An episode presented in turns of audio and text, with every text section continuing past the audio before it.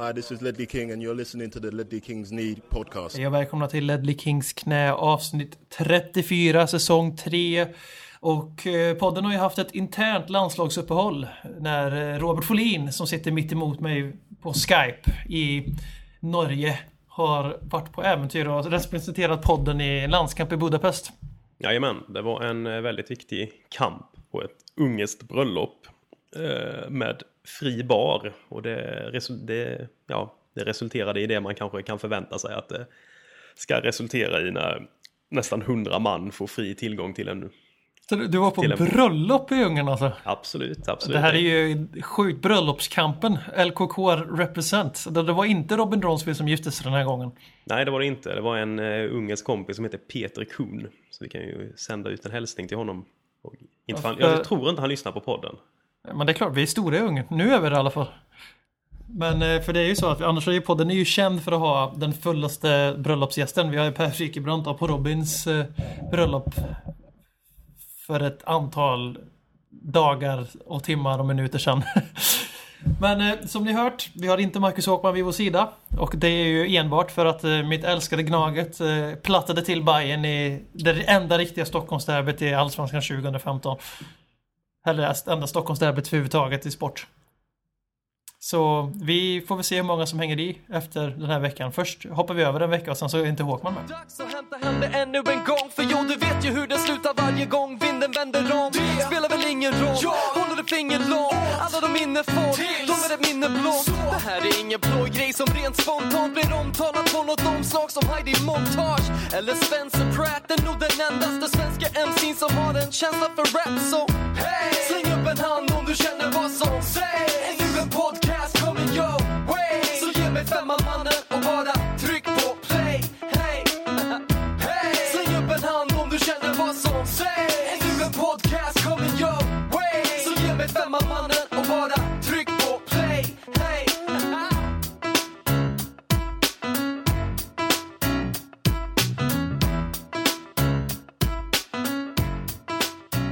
Det har varit, eh, Tottenham har ju spelat match också. Det är ju inte bara Gnaget och Bayern och Bayern och Bayern och Bayern i den här podden. Utan det är även det där eh, bonkalaget från norra London.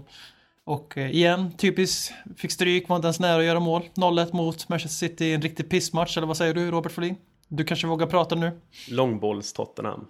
Eh, som aldrig underhåller på något vis var igång igen.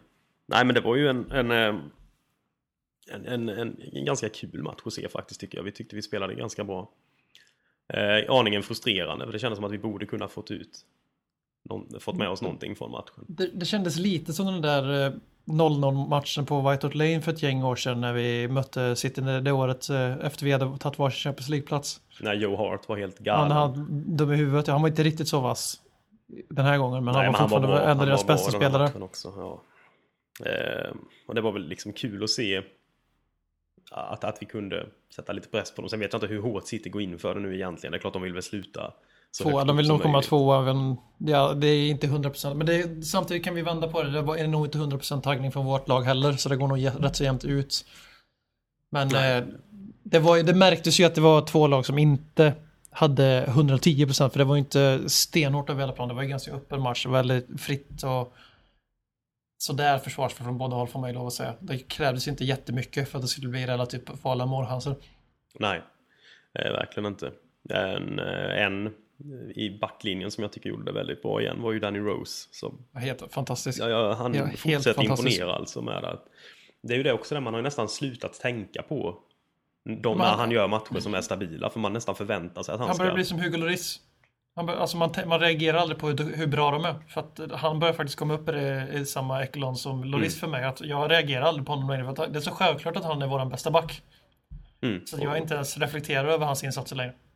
Nej, och det, det säger fan en del om hur långt han har kommit ändå. För innan säsongen var det ju, ja, det har vi ju sagt tidigare också, att man trodde ju att det skulle vara Davis på sikt som skulle spela där. Ja, det att Rose skulle bli på... tjurig och vilja lämna. Det, det märktes ju om inte annat på reaktionerna när Rose fick ett femårskontrakt efter vi hade köpt Davis. Jävlar. Men, Men något eh, om vi, när vi ändå lite sidospår från matchen, men fortsätter på Rose bara så. Jag har läst något om, om att han... Eh, Varför han alltid ser så grinig ut? nej, men att han faktiskt har sagt nu att, eh, att detta är första säsongen han har spelat fotboll som han känner att han har ett bra förhållande till sin tränare. Och det är ganska... Alltså han är ju ändå, vad är han, 23-24 år? Ja, 25 till och med. 24, Ja, det är ja. kanske. Ja. Ja, han är ju någonstans, han är ju någonstans i den åldern när de, man ska börja ta kliven mot sin peak. Men Ja, det säger han- en del alltså. Ja, och han sa det med då att Pochettino är en sån tränare som om han eller jag skulle lämna Spurs så hade han fortfarande velat hålla kontakten med honom. Och det får jag säga, det är faktiskt ett ganska fint omdöme att få från en. Det, Från för, en för spelare. Porsche, Porsche är ju inte ute i tidningen och försöker sälja sig själv som en players manager som eh, Herr Redknapp och Tim Sherwood är bland annat. Utan han är ju, håller sig i väldigt låg profil. Så det här är ju väldigt skönt, kul att höra Mm. om Porsche. För man får inte höra så jävla mycket om honom förutom de här rent eh, fotbollsmässiga delarna. Vilket är, vi, inte så, vi brukar ju variera i Spurs. Att vi, har, vi brukar ofta ha väldigt stor fokus på människan som person och som allt jävla möjligt förutom tränare. Mm. Men det, han har ju varit väldigt duktig på det och varit behövligt också. Men det här var ju kan ju ha någonting med att göra om du kommer ihåg när han blev uttagen till landslaget första gången och fick lämna skadad. Precis som båda gångerna blivit uttagen till England. Mm. Så då sa han ju det att eh, Poch gjorde ju en prank. Han prankade ju honom med det. Han sa du får komma in före träningen imorgon och då var, han skulle berätta att han var uttagen i landslaget men han prankade honom. Jag kommer inte riktigt ihåg vad det var men det var, han kallade in Danny Rose till kontoret i alla fall. Så han trodde han hade gjort någonting. Och så var det för att säga att han blev uttagen i landslaget. så att, eh, Nej men det, alltså, han, ja, han har nog en sån personlighet i gruppen kanske, men utåt är han... Det, han Ja, ger ju inte bort så mycket. Stoneface. Men eh, Ja. du har ju sett de här YouTube-klippen när han är med och lirar kvadraten och chippar och Mm. härjar och fuskar och sparkar Christian Eriksson i baks eh, i hälsenorna för han ska missa bollen och allt vad fan det är liksom. Så han, eh, men han är, verkar vara duktig på att skilja de två rollerna lite. Mm. Och sen tror jag lite ibland när han, när han snackar med media också att han kan att han kanske spelar lite på det här kortet att han inte kan så bra engelska. Ja, lite som Sven-Göran. Eriksson gjorde när han var i England. Att rätt vad det var när han hade någon motgång så snackade han helt plötsligt inte så bra engelska längre. Nej, framförallt Eh. förstår inte engelska. Prata är så, men helt plötsligt förstår man inte frågorna riktigt utan man fortsätter säga part- partisvaren istället. Mm. Alltså det är fint, men det är ju fint och det är bra att ha den, den förståelsen och kunna spela eh, det, det är liksom möjliga handikappet till sin fördel ändå. Ja, jag är, ja, men jag är, relativt över, jag är relativt övertygad om att det är väldigt mycket spel för gallerierna med, när det gäller just de här eh, krystade, jobbiga vad ska man säga, presskonferenserna. Mm. För att eh, när han, har jag sett, man har ju sett några tillfällen där Porch verkligen har liksom verkligen sagt ifrån när de har sagt, ställt, sagt, någon, sagt någonting och han verkligen nej, nej, nej, nej, nej, nej, jag kommer ihåg det var någon detalj om någon detalj om kuppen i Spanien med Spanjol. Och då sa han, de försökte få det till att eh, de försökte koppla det, vi skulle möta något mindre lag, om det var Sheffield United möjligtvis. Försökte de koppla till att han var en dålig cuptränare, att han, var, att han hade åkt ut med Spanjol mot sådär, något sådär bondlag, amatörlag i Spanien eller något sånt där. Och han bara nej, nej, nej, nej, nej, det var precis, Ja, ja. det var innan jag tog över. Då hade han precis järnkoll på engelska och förstod precis allt och sen och sen helt efter det så bara ställde de någon specifik fråga om de spelades form och han bara ah yes, football is team game, we play very well. så Ja, det det, det, jag vet inte men jag älskar det nu framförallt nu, nu, nu är det ju så för evigt eftersom du har sagt det. Ja, ja det är fint. Fi- Fin, eh, fin egenskap att ha som tränare. Men tycker tillbaka kanske till, till matchen. Vad tycker du annars om hans eh, laguttagning? Ja, alltså jag skulle väl kanske vilja se någon. Jag tyckte det var helt rätt att Lamela fick, fick chansen igen. Han ska, han, ska, bara- han ska spela varje match vi har kvar. Det finns absolut ingen anledning till att inte han ska spela. Alltså även om Nej, och jag tyckte den här matchen så- med, speciellt i första halvlek så, så var, var väl en av hans bättre matcher, alltså speciellt första kanske 25-30 minuterna. Tyckte jag han var väldigt pigg och alert. Och, Han var definitivt eh, hans bästa match i Liverpool. ja, och också han var väldigt... Alltså, Fan, jag... Topp fem i hans Premier League-karriär tror jag. Det är Burnley och någon till som han har varit... Alltså där han har faktiskt fått ut någonting också. Mm. Men eh, han var ju faktiskt navet i vår offensiv. Ja, idag. och det- Eller det som idag jag- jag.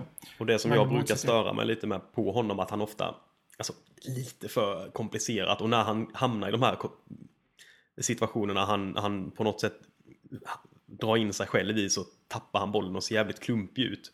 I den här matchen såg han mycket smidigare ut. Det var han liksom gled förbi ur de här tajta Ja, jobbiga han, såg, han, såg väldigt, han såg väldigt självförtroende, han, han Ja, såg väldigt var en- självsäker ut jämfört med vad han. Alltså, det var inte lika mycket göra allting rätt fram till sista tredjedelen för att eh, han tänker för mycket. Så nu var det, fanns det någon att spela, då gjorde han det. Ibland så försökte han själv. Han hade ju någon helt Fifa 15-räd där när han först försökte spela bollen till Kane så desperat så att hela City läste det och bara väntade på hans luftpassa. Han slår en typisk Lamela felpass då och man bara, men för helvete. Han tar tillbaks bollen direkt, det är också Lamela.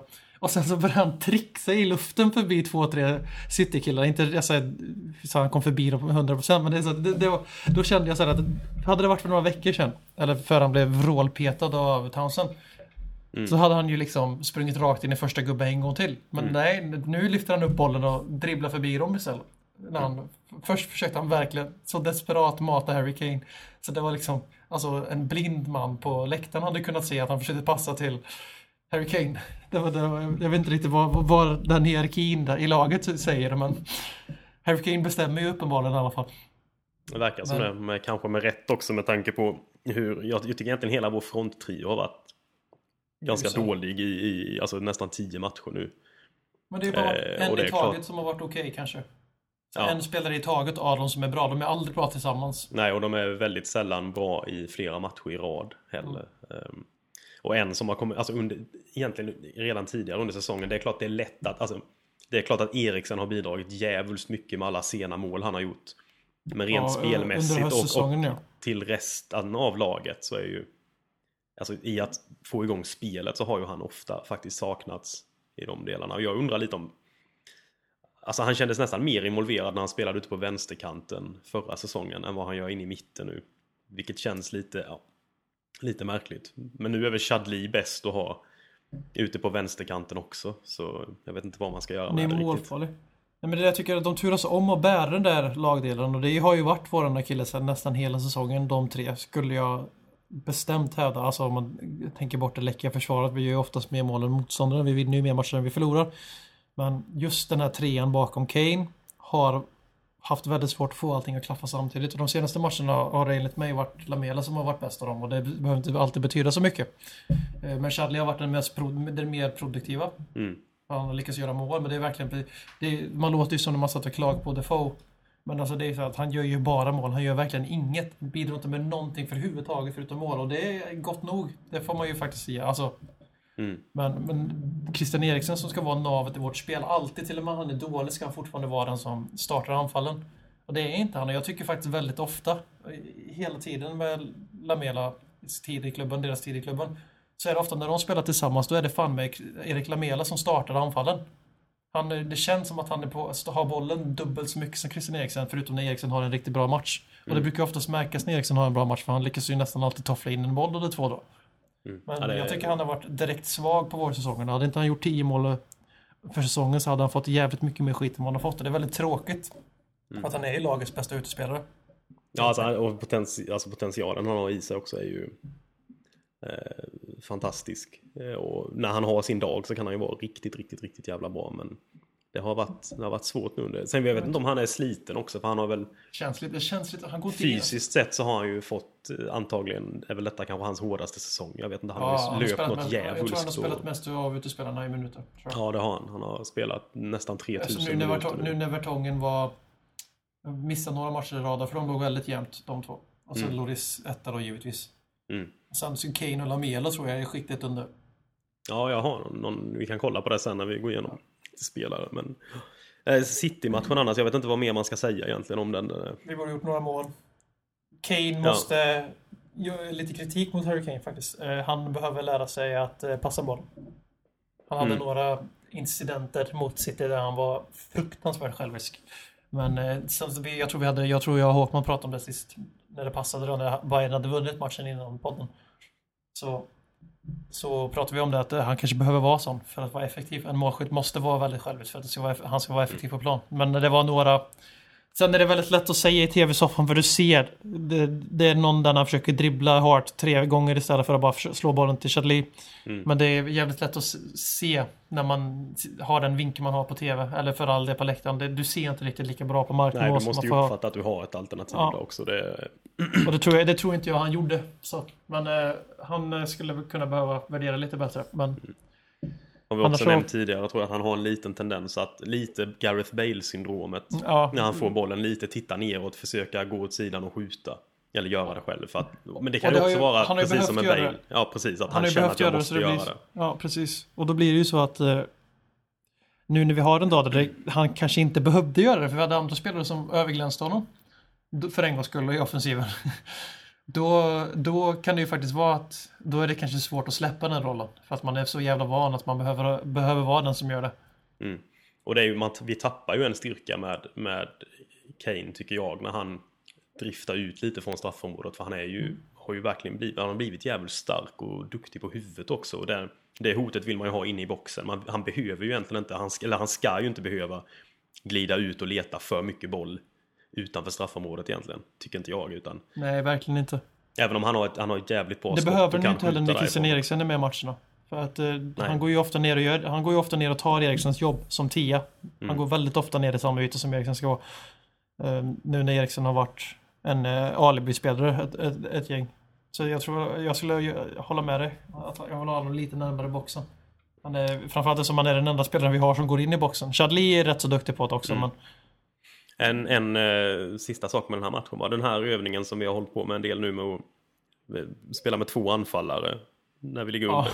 Det behöver Ja, vara det- lite samma sak här nu tycker jag också. Att, eh, och Soldado skapade ju faktiskt, han hade ju ett par chanser. Mm. Men som att spelet tycker jag kort. kom, över, kom bort lite när... Ja, men jo, visst var det så. När, när vi Kanske så byter in- initiellt i 5-10 minuter precis när han hade kommit in att det fortfarande fanns lite av spelet kvar men sen förföll det bort lite och ja. Ja, men jag tänkte också bara för att det var ju, vi det här förut, att när vi går över till det här med att spela 4-4-2, Mm. som vi faktiskt gör, har gjort några gånger, att vi tappar totalt spelet. Och som du, är som, precis som du säger, men det, det var igen väldigt märkbart att när vi tog ut en för dagen väldigt sve, svag Eriksen, tog in Soldado, så tappade vi bollinnehavet och vi hade inte matchen i samma kontroll längre. Och vilket är inte så jävla konstigt, men det blir ju extremt Spursen när vi avslutar matchen med alltså 4-3-3 med Nabil Bentaleb som sittande, Paulinho Lamela som centrala arbetshästar och snarare 4-2-4 skulle jag argumentera. Men, och, och sen när vi har Adebayor, Soldado och Kane på plan samtidigt. Och det absolut eh, bästa jag med det var jag läste på Fighting Cock efter matchen. Det är någon som skriver matchrecension på alla spelare och skriver på Soldado. Och Adebayor båda två att eh, came in, played a few minutes, fell over the ball a couple of times. Och så var Adebayor, same as above. Så liksom kom in, snubbla lite, snubbla, snubbla med bollen, tappa bollen ett par gånger, så var det bra så. Och det var, det kändes verkligen så. Det var nästan lite Martin Joll-taktiker igen fast det gick ofta lite bättre kanske när Joll testade eller fler gånger i alla fall. Det kändes lite som att vi, vi satsade precis allt på att få in en kvittering. Mm. Och det är helt jävla rätt. Sen att det inte föll så väl ut, det, det må så vara, men det är sådär som man gör när man ligger under med 1-0. Det spelar ingen roll om man förlorar med 2-3 eller 4-0 eller 1-0, framförallt inte när man redan har pissdålig målskillnad som vi har. Då är det liksom poängen det handlar om. Mm. Och det var helt rätt. Det var fruktansvärt roligt att se det laget. Man tänker sig det var fruktansvärt mycket FIFA, över- FIFA över det. Alltså. Att, eh, vadå defensiv? Vad fan In är det för någonting? alla som har relativt högt på avslut och försök få dem till att skjuta. Kort, vad tyckte du om Paulinhos inhopp? Alltså, det Bajor och Soldado var ju väldigt bleka. Men Paulinho tycker jag fan, helvete, han gör en liten, liten sleeper comeback alltså. Han ser lite halvdan ut på fotboll de senaste veckorna tycker jag. Fast Ja. det kanske vi har så sjukt låga förväntningar. Han ser väl ganska habil, habil, habil ut. Han ser nästan ut som, eh, som att han faktiskt är tillräckligt bra för att sitta på bänken i Spurs. Mm. Eh, ja, alltså jag vet inte, jag har lite svårt att... Han, alltså han gör ju ingen dålig insats, han gör det väl helt okej. Så- Men det är väl det som du säger kanske att man, för ett, ett tag var han väldigt lost hela tiden när han kom in. Och det kan ju bara bli att man tycker att oj, nu är han inte det längre. Men är det bra nog egentligen? Ja, jag vet inte riktigt. Det, finns, det känns fortfarande tycker jag som det finns en match, match matchness som Tim Sherwood Ja, sa ja. om vårt mittfält. Ja, det är jo. Wow. Ehm, och sen lite, stackars Mason får en del Ja. skit också. Det kan vi ta en sista Väldigt- som City. Ja, det- jag förstår väldigt inte mycket, riktigt Väldigt vad... mycket skit. Han har på Fighting Cock så faktiskt, eftersom Lamela mot tills många stora förtret har varit ganska bra de senaste matcherna. Alltså allting är relativt i fotboll. Men eh, han har höjt sig. Då Mm. har Mason blivit den nya syndabocken. Och de försökte beskylla båda två för ledningsmålet City gör. Som jag tycker är så att visst, Mason släpper Agüero i straffområdet efter att ha följt honom från mittplan. Men det är också samtidigt bara två spelare i hela vårt lag som springer hem och hänger med i kontringen. Som, det är ju en helt... Alltså det är en Ja, fantastisk jävla kontring. Vad tar det 25 sekunder från Hart kastar ut bollen tills den sitter i krysset? Mm. Alltså det, ibland så får man faktiskt bara buga sig och säga tack för showen. ja, jag, vet inte. Ja. Nej, det är som du säger. Det är nästan hellre att man bara försöker att tänka på det som att det var ett jävligt bra mål av City. Men det var att det. försöka, Alltså, det Än att försöka hitta spelare och hänga ut. För det, man måste inte alltid göra det. Det måste inte alltså, alltid visst. finnas en syndabock i. Visst, alltså jag snodde det från Fighting Cock rakt av. Ja, Lamela blev lite distraherad av Koldaro som gjorde ett överlapp. Mm. Ja, i, i fel läge. Och sen Mason släpper Agüero i fel läge. Men vad fan, de två är de, de springer ju från hörn. De spring, vi har ju haft hörna, offensiv hörna. Mm. Och det- var inte Lamela som slog hörnan den här gången. Men alltså de var ju båda där och de springer hela vägen hem. Det var bara de som gjorde det. Mm. Alltså det... De var, jag tror det är fyra mot fyra eller tre mot tre i kontringen. Och var, de gjorde det jävligt bra bara City. Och det var ett fint jävla mål. Hade vi gjort det målet så hade vi sn- snackat om säsongens mål alltså. Det var eh, bara tackat. Alltså det var inget dåligt jävla avslut av Agüero. Nej, det är inte många som som eh, sätter dem så. Det, nej, han och det var skillnad. bra. Det var skillnaden mellan lagen, helt enkelt. Ja. Han, han satte ett världsklassavslut i krysset. Våran eh, an- superanfallare hade en dålig dag på jobbet när det gäller avslut. Och det, vi förlorade med 1-0. Mer än så var det liksom inte med det.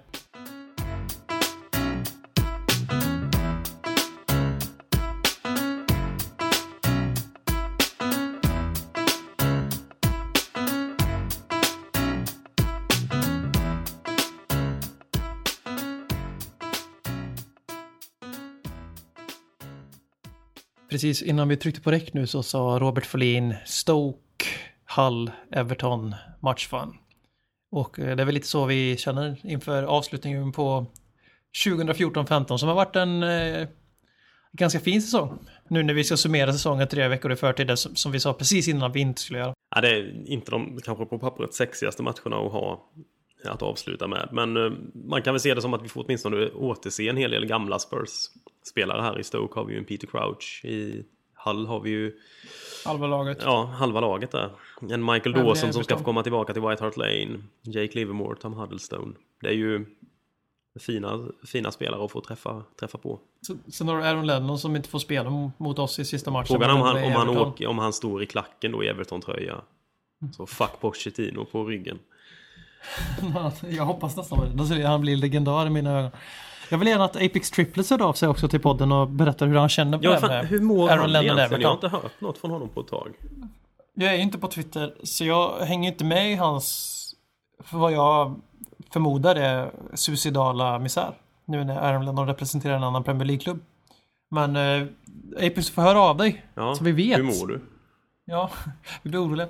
Men eh, Stoke Stoke. Eh, vann mot oss sist. det gjorde de.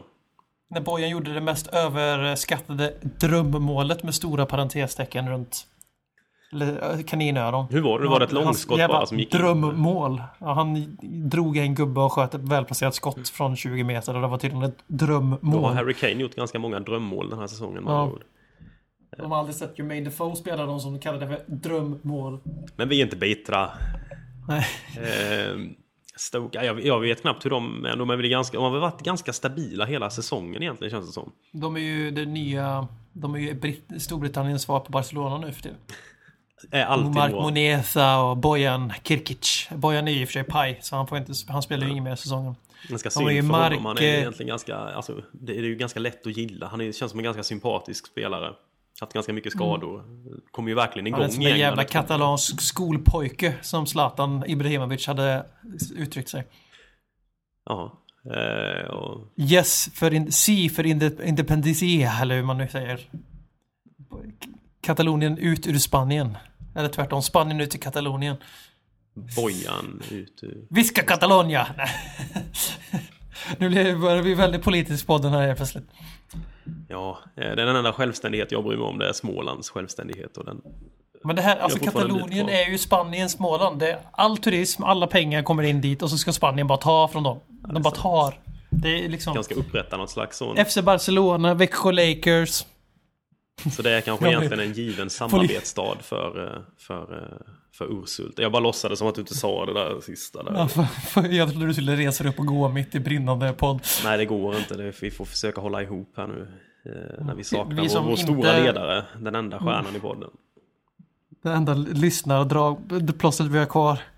Vi tappar dem en efter en efter en och så är det bara du och jag, bara skräpet kvar. Vi sitter här och snackar om vad fan vi nu pratar om. Vad var det Stoke vi skulle prata om? Katalon, Katalonien och Smålands självständighet kom vi in på när vi pratade om Stoke. Ja. Tyckte, det tycker jag var en jätterealistisk koppling och jag förstår inte detta motstånd mot utsvävningar. Nej, det är en, en fullt rimlig eh, övergång. Så här jag lär ut i mina klassrum. Vi börjar prata om Hitler och sen så hamnar vi i småländska skogar och varför det virke är bättre att sälja till Norge än till Danmark och så vidare. Och varför man inte ska hjälpa sina grannländer i krig och så vidare. Allting hänger ihop. Speciellt Småland och Katalonien tydligen och Stoke. Intressant. Jag ska köpa en Barcelona-tröja i sommar när jag åker dit igen och ska skriva Smålands, in, Småland eh, Independence Independence på ryggen. Ser vi fram emot att se. Eh, spelar den här Charlie Adam tror vi? Ja, och han pajar väl eh, Lamela då. Han har ju en tendens att paja våra dyra nyförvärv och våra bra spelare precis när de hittar formtoppen. Så han tar väl eh, Lamelas eh, fot efter tre minuter. Men så sett, alltså, ja. Vad har de, de har möjligen något slags poängrekord att spela för va? Kan jag tänka mig. För Ja. de är ju nästan uppe på 50 poäng redan och det måste väl börja likna. Vad jag har hört från, eh, från eh, halvsäkra källor är att de har fyra poäng upp på till- tangera sitt klubbrekord och Okej. då är de ändå rätt så missnöjda med säsong för de har ju kryssat jävligt mycket. Mm. Men de är ju ändå inne på en viss typ av identitetsförändring. Men så länge man har Charlie Adam så kan man ju aldrig vara, liksom så länge man har Charlie Adam och Peter Crouch i lag kan man aldrig vara någonting annat än Longball Stoke. Och Gris Stoke. Och det är ju ingen kritik mot eh, Crou- Crouch men alltså har man tre meter långa anfallare då är man ju långboll bara per automatik. Så är det ju. Det är fördomsfullt. Vi, vi tänker ju inte till utan vi, vi dömer ju bara på ytan i dagens samhälle. Sen har du Charlie Adam som grisar runt alltid. Så kan de försöka ha hur många kataloner som helst på plan. De kommer ändå vara långboll Stoke men de försöker ju ändå hålla bollen på marken 10% nu till skillnad från en. Charlie Adam kommer liksom vara den tyska fogden i de småländska skogarna om vi ska dra en småländsk liknelse med hur, Ja, hur det känns. utan tvekan. Han är ju lätt den som går och eh, hovar in skatter. Sån där jävla o, o, ohyra. Men vad, vad, från Tottenhams sida på den här matchen, vad vill vi se här? Är det någon ändring från i startelvan? Någon vi vill se spela?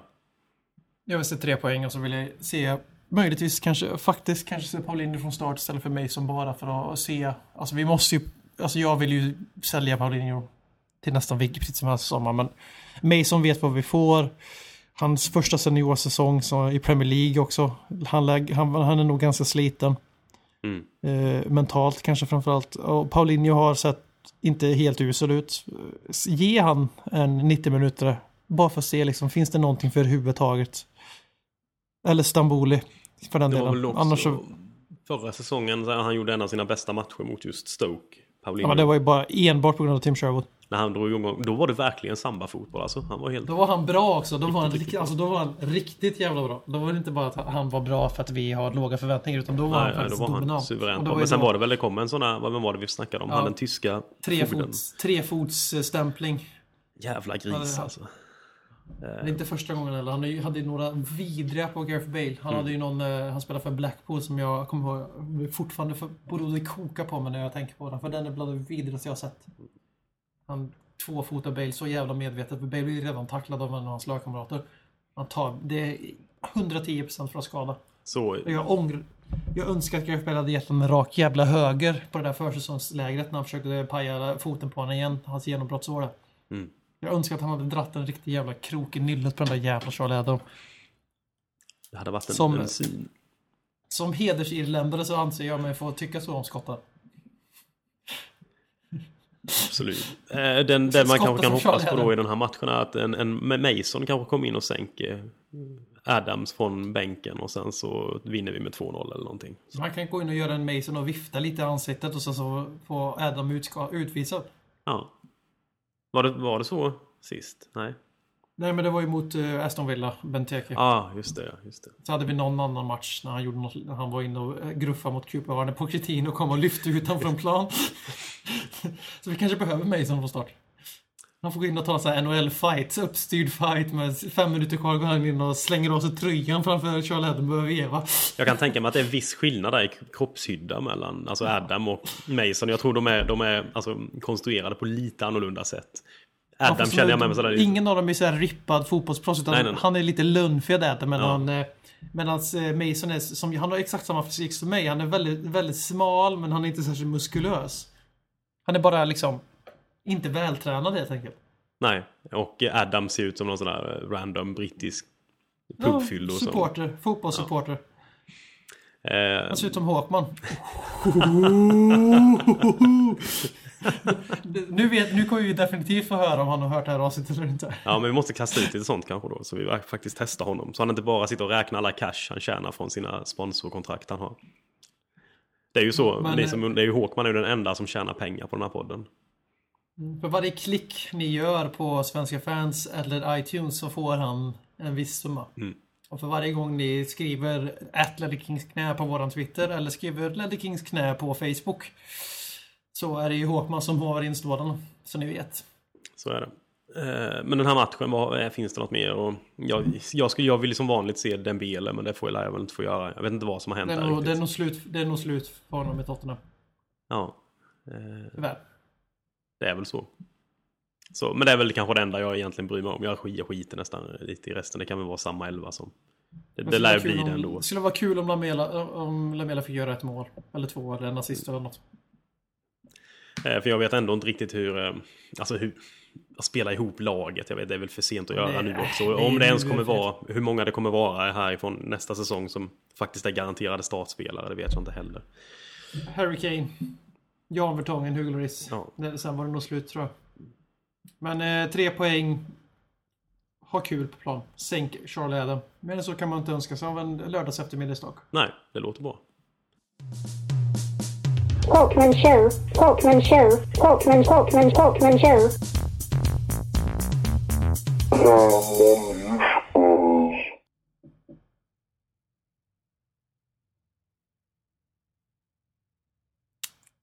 Så där låter det i en Håkman show veckan efter den Gnaget har krossat Bayern. Tack. Talkman show, Talkman show, Talkman, Talkman, Talkman show.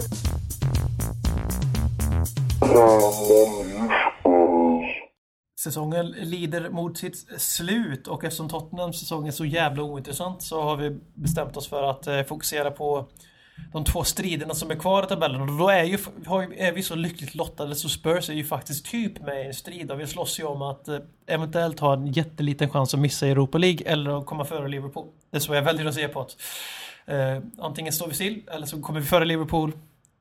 Eller så måste vi anstränga oss för att missa Europa League då, eftersom det tydligen är någonting vi inte vill göra längre i vår klubb. Men eh, vi tänkte börja där uppe. Då har vi Liverpool på femte plats, Spurs på sjätte plats och Southampton på sjunde plats. Och det är ganska tajt. Tre poäng tror jag skiljer lagen emellan. Hur, hur ser du på det här? Har vi någon chans att gå om Liverpool? Då får vi nog nästan gå helt rent eh, och ta alla poäng som är kvar. De har ju Chelsea, Palace och Stoke kvar och de har alltså tre poäng försprång och målskillnad. Så det är fyra poäng vi måste ta in egentligen. Mm. Ja, det jag finner väl det kanske är ganska osannolikt att vi går om dem.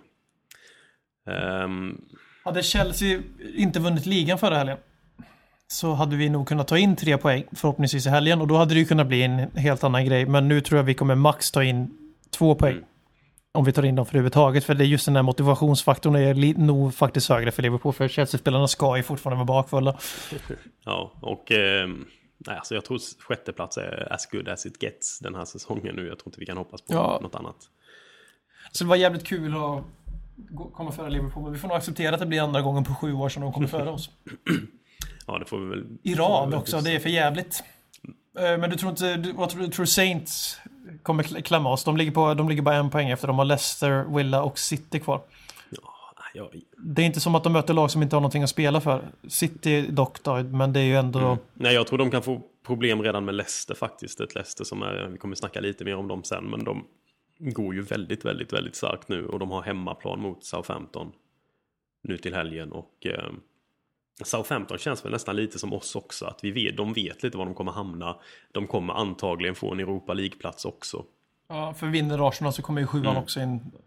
Men jag kommer gärna, jag slutar gärna sexa för då slipper vi spela första playoff-rundan i juli. Så, inte för att det spelar någon som helst jävla roll egentligen, men man ska alltid komma så högt som möjligt. Det, det vi inte Och- kan utesluta här är ju dock att Aston Villa faktiskt vinner FA-cupen. Då kommer ju inte sjundeplatsen att gå till Nej, Europa och League och sjätteplatsen blir... Eh, Kvalrunda. playoff. Kval. Och playoff blir för FA-cupvinnarna. Mm. Eller går de rakt in i turneringen till och med? jag tror de går rakt in för det är den platsen som skickas det, ut det, till... bor- eh, så, ska, det, så ska det ju vara. Så ska det ju Mm, för det vara. är den platsen som Vi- skickas ut till ligaplaceringarna. Och det blir två lag som går direkt in om de, åk- om de, om de eh, inte vinner det. Frågan är om man, man vill ju att Sherwood ska vinna. Trots att man dömar vad. Men, men eh, Vad vad är det för vad du har där nu? Du ska köpa en tröja va, med Sherwoods namn på eller hur är det? Sherwood 8 på Aston Villa. Svagt ögonblick. Jag var så glad att han slog ut Liverpool. Så nu, nu. Men grejen är att jag det är ju någonting jag stolt skulle göra. För att jag är ju inte en av de här som hellre vill att eh, Arsenal ska vinna än att Tim Sherwood ska vinna. Jag förstår verkligen inte den grejen för överhuvudtaget. Och med det så släpper vi toppstriden säger vi. Vi tror, att vi, vi tror att det kommer stanna som det blir. Att Liverpool kommer 68 poäng, 66, 67 och vi 65, Southampton någonstans där runt. Mm. Och så går vi över till bottenstriden så vi får en segway till Aston Villa. För vi tror nämligen att Aston Villa kommer sluta högst upp av alla lag som är indragna i bottenstriden just nu. Ja, vi, Och då är det så att jag vill ju hellre att Sherwood blir 14 och därmed och vinner FA-cupen och gör en extremt bra ett extremt bra inhopp i Aston Villa och ska ha all jävla cred för det. Sen får vi se alltså, hur mycket av det som är just ny manager och så vidare. Men jag ser hellre det än att Arsenal ska vinna. Jag förstår verkligen inte det menar du att det fin, finns det sådana folk på riktigt som tycker att Ja, det vore bättre att Arsenal vinner. FA-cupen än att Tim Sherwood och Aston Villa vinner den? Ja, ett argument är för att då blir Aston Villa en lika stor klubb som oss igen och det är ju bara skitsnack. det, det är ju, Men det- hatet för Tim Sherwood är alltså så grovt så att folk hellre säger att Arsenal vinner och då börjar jag undra om du verkligen är Det kan ju Tottenham-supporter fan inte vara sunt att ha ett sånt hat mot. En människa för överhuvudtaget nu. Det är ju helt, det är befängt. Ja, det och det finns alltid någon till varje manager vi har. För det är klart, jag vill mycket hellre att eh, Tim vinner. Jag skiter i vi, det är ju fördel för oss om han vinner, för då kanske han slutar prata om oss. För då har han ju en annan grej att, att skryta om. Då behöver man inte Så liksom, påminna nej. oss om de, de glory daysen vi hade utan då kommer han mer snacka om. Om det han är i nu. Och sen så är det bara att acceptera allting som han har gjort som, som huvudtränare. De sammanlagt tio månader han kommer att ha gjort efter den här säsongen. Om det nu blir som vi tror att det blir, att Willa kommer gå starkast och sluta på 14 eller 15 plats. Jag tror vi räknar ut det till. Att de kommer komma på 14 plats då. I detta stenhårda race. Där vi tror att det kommer sluta. Willa på 14 och Sunderland som vi tippar åker ut. Vi säger att QPR och Burnley kommer åka ut. De är redan ute säger vi. Så att vi kommer, det kommer skilja 3-4 poäng mellan 14 till 18 plats, men vi tror ändå Wille kommer vara bäst. Och då är det liksom de 10 månader Tim Sherwood har gjort som manager då. Är ju, går inte att säga någonting annat än att det är fantastiskt. Han hade det bästa vinstprocenten i våran, visst väldigt lite sample size, men ändå. Och i Aston Villa fortsätter ta dem till cupfinal. Får dem hänga kvar. Får Benteke göra lika många mål på, som Adebayor gjorde för Spurs liksom. Det finns någonting i Team Sherwood. Det, bara, det får man acceptera. Även den starkaste hatare av oss alla får acceptera. Och det han har finns lyckats med i Villa med som han ju inte lyckades med riktigt kanske på samma sätt hos oss. Det verkar vara att han har fått igång hela publiken där också och fansen att hänga med Och på det truppen- de gör. Och truppen också. Ja, jo, jo, men, men den var väl kanske honom. någorlunda med. Ja, vi hade ganska många som var rätt så missnöjda med Sherwood i slutet får vi nog... Ja, Alltså, men det, det våran trupp är ganska gnällig av sig också. Så. Ja, men också på ett Ja, helt jag annat sätt. han har fått med sig publiken, ja. i nästan hela klubben känns det som på det här. Ja, Ehm, hela publiken var, det var en bra poäng för han hade ju en anti-Tim Brigade från dag ett i Spurs. Men vi tror ju också den här jävla eh, slutstriden att Leicester kommer komma och klara sig ganska okej på en 15 plats. Mm, Och att det är de som kanske räddar oss sjätteplats då. För vi tror att de kanske till och med tar tre poäng mot Saints för de har vunnit fem av sina sex igen. Och de, ju, de gör ju en som Sunderland gjorde i fjol. Mm. En, en väldigt fin great escape får man väl nästan kalla det för. För de kändes väl för ett par månader sedan helt uträknade. Eh, Ja absolut. ja, absolut. De låg väl sist ända fram tills de vann sina hängmatcher. Alltså det var ju inte bara någon vecka sedan de låg sist, helt avhängda. Det var ju hängmatcher, men hängmatcher ska ju vinnas liksom. Det är inte det lättaste att göra när man är jumbo. Det säger man i jumbo av en anledning. De har ju hittat allt just nu. Men vad, vad tycker du om Leicester? För ofta tycker man det är kul att nykomlingar hänger kvar, men jag vet inte, jag är inte så jävla, jag har inte så jävla gott, gott öga till Leicester. Det är ju liksom en plastklubb nu för tiden. nej, jag kan inte säga att jag känner speciellt mycket för dem alls. Jag tycker det är lite kul att de de har väl inte spenderat så jäkla mycket på den här Nej. truppen med ganska Nej. liten budget. Eller ja, det är ju relativt här- sett till fotbollsvärlden. De hade Liksom. Sven-Göran Eriksson och en, en veva så att jag har, som tränare. Så jag har lite... Har är du agg mot Svennis? plastklubb. Nej, inte så, men alltså Svennis efter Englands landslag. Nej, det har varit, det har varit Och efter, mycket... Manchester, efter Manchester City kan vi säga, då har han blivit liksom symbol för plastklubbar. Notts County när de skulle göra sin plastsatsning. Leicester. Sen till Kina och gräver pengar liksom. Det är så just den erans Svennis. Annars är han en av Sveriges största- tränare genom tiderna och Värmlands stolthet. Men Nej, det, man, det som gör en lite svag kanske för Leicester är väl att eh, en, en Gary Lineker har ju lite... Schmeichel. Eh, har ju, eh, är väl därifrån eller han Han kom. är, han är heders, eh, heders någonting där. Jag kommer inte ihåg vad det var nu, men han är ganska högt, högt hållen hos The Foxes. Mm. Men de slog ut oss i FA-cupen och hindrade våran dubbelfinal så att eh, fuck Leicester. Det är synd att de hänger kvar. Men de är så pass bra form så de kommer hänga kvar. Ja, jag får väl säga jag har hellre kvar Leicester än att ha kvar eh, Sunderland. Newcastle eller Sunderland. Ja, Sunderland är jag bara trötta på för de är alltid, de, de kastar ju ofta, alltså de verkar ju ha ganska mycket pengar för de, de köper ju Ja, alltid de, de har väldigt en jävla mycket massa mycket de spelare. ut på Defoe i år liksom? eh, ganska höga löner och bara slänger pengar omkring sig och är värdelösa ändå. Så det är bara ut med dem. De är nästan, lite, de är nästan som ett Queens Park Rangers fast de har lyckats klara Ja, de sig. är som Cumpros Radio fast de har lyckats hänga sig kvar. Det är exakt samma misskötta klubb ekonomiskt och allt möjligt. Så de får gärna åka Ja. ut. Eh, De har ju också, om jag inte minns fel, de har ju knallhårt schema. Det är därför de ligger ju i skrivande stund bara en poäng efter de flesta lagen i den här striden. Idag är ju tabellen då Sunderland 34 poäng och sen så ligger Hull och Leicester och Newcastle och Aston Villa på 35. Och då har Sunderland en match mindre spelad. Eh, Men eh, förlåt, Leicester 34 poäng. Men skitsamma. Men de har ju alltså Everton borta och sen Leicester som är formstarka som fan. Och det är, den matchen är ju riktigt jävla krig. Fy fan vad jag är taggad för att se den matchen. Och sen har de Arsenal och Chelsea. Sunderland. Så det, det är ju fortfarande rätt så kört för dem.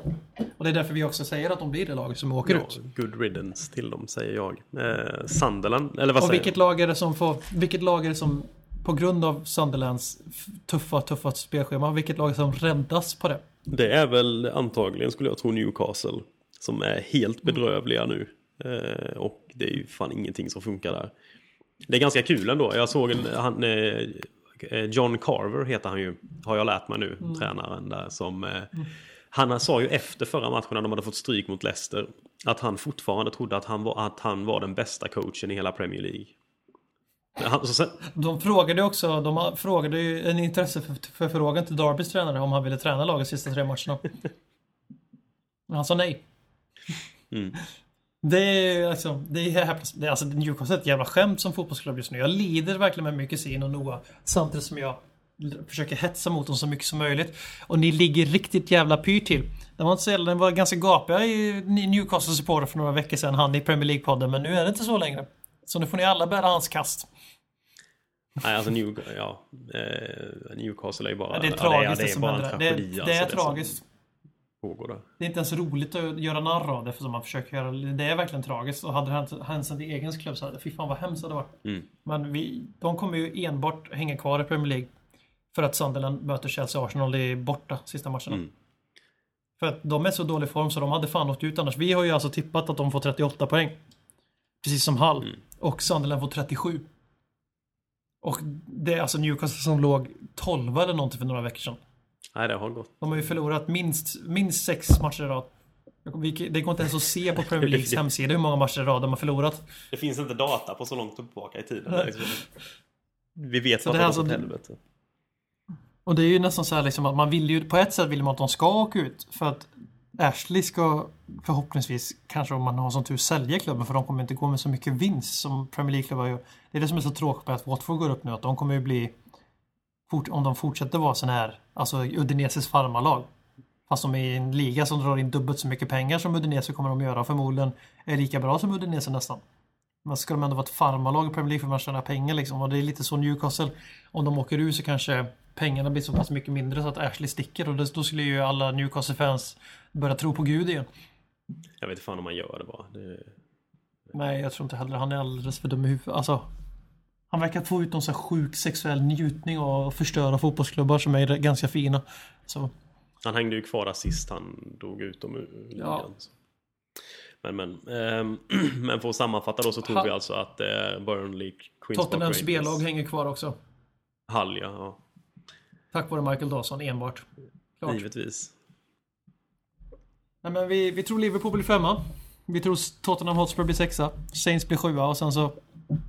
Att eh, Sunderland, Burnley och Queens Park Rangers åker ut. Ja. Och Aston Villa slutar på en ganska fin 14 plats. Just det, en, vi tror också, det här är ganska nytt, vi, den här att man 40 poäng om man hänger kvar. Vi tror ju alltså att det räcker med 38 för att hänga kvar i årets Premier League. Det kan bli ganska kul sen att se hur rätt vi får eller hur fel vi kommer ha. Ja, Jag tror det är flera av de här lagen som har ganska svåra spelscheman på slutet. Så jag tror det kommer, det kommer inte be- behövas 40 Det poäng inte, det kommer sig. inte, kommer inte regna in några poäng inte. Det, det kommer det inte göra. För de, inte, det, alla, alla hamnar över 40 sitter vi här och bara, ja. Men Ska vi, eh. Vi byter vi, spår. vi lämna de andra Premier League-klubbarna och beger oss tillbaka till Spurs kanske? Ja. Och går över till spelarsnack. Och eh, pratar eh, om eh, Christian Eriksson i detalj. Vi börjar direkt i... Det här är lite kul för du började prata om det förut när vi pratade om att han har varit så dålig form. Och då sa du att det känns som att han är mer effektiv ute till vänster än till höger. Och då är det så att statistiken ger dig jävligt rätt. Där är alltså en snubbe på Fi- Fighting Cock som har skrivit bloggformat där. Mm. Och skrivit att i de matcher han har startat sammanlagt eh, 36 matcher som jag förstår det och har statistiken. Eh, Det kan inte stämma. Men skitsamma. eh, Fuck it. De 36 matcherna han har skrivit upp så har eh, han startat eh, centralt 22 av dem och då ligger han på 5 plus 1. Och eh, utgångspunkt vänster startat 10 matcher som det och då har han 4 plus 1. Mm. Och sen utgångspunkt höger 4 matcher 1 plus 0. Och då statistiken ger ju dig knallrätt att han är mer effektiv till vänster. För att han gör ju 5 poäng på 10 matcher där jämfört med 6 poäng på 22. Mm, om man nu bara ska titta på statistiken på det. Men det, jag, har även, men alltså det- jag har tittat lite på... Det är bara en del av det givetvis. Jag har också tittat lite på detaljer hos honom och i hans spel. Och det, han, han söker sig ut ganska mycket till Mm. vänster även när han spelar i mitten. Så det känns som att det är en po- position han gärna söker sig till och tar utgångspunkt ifrån. Och eh, ja, kanske att... Eh, men det är också det att vi måste, ju ha, vi måste ju ha in en riktig högerytter i sådana fall. Vi måste ha det, har vi sagt jag vet inte hur många gånger. Men för att det ska Ja, funka att precis. spela Så med har, För då ju Lamela spela 10 och han till vänster och så en riktig högerytter. Mm. Alltså om vi tänker truppen vi har idag. Ja, Chadli borde ju kunna vara högerytter dock, för han är ju högerfotad. Men han är väl så avla, av, han är väl så stöpt i inverted winger-formen så han kan väl inte vara en vanlig ytter. Nej, han har väl också snackat om det, Chadley, att han trivs ganska bra i en sån second striker-roll lite bakom och bakom anfallaren. Och han, han och Eriksen byter ju plats ganska Mm. frekvent. Det är inte jätteovanligt att Chadli går in i centralt. Och de har ju båda två gjort över 10 ligamål så vi ska alltså sitta och lipa över deras Nej, nej, de, säsonger alltså, vi absolut de två är inte ju göra. de bästa målskyttarna förutom, eh, eller bortsett från eh, Harry Kane då. Och båda två, alltså okej Eriksen var nog lite, lite, lite, lite alltså han har ju han har varit, båda sina säsonger i Spurs, så tycker jag att han har haft till stor del väldigt starka säsonger men sen varit väldigt svag, ganska, han är väldigt ojämn helt enkelt som spelare. Väldigt höga toppar eller djupa dalar. Eh, och det får man ju ta, han kostar inte så mycket pengar, väldigt ung, fortfarande ung för den delen.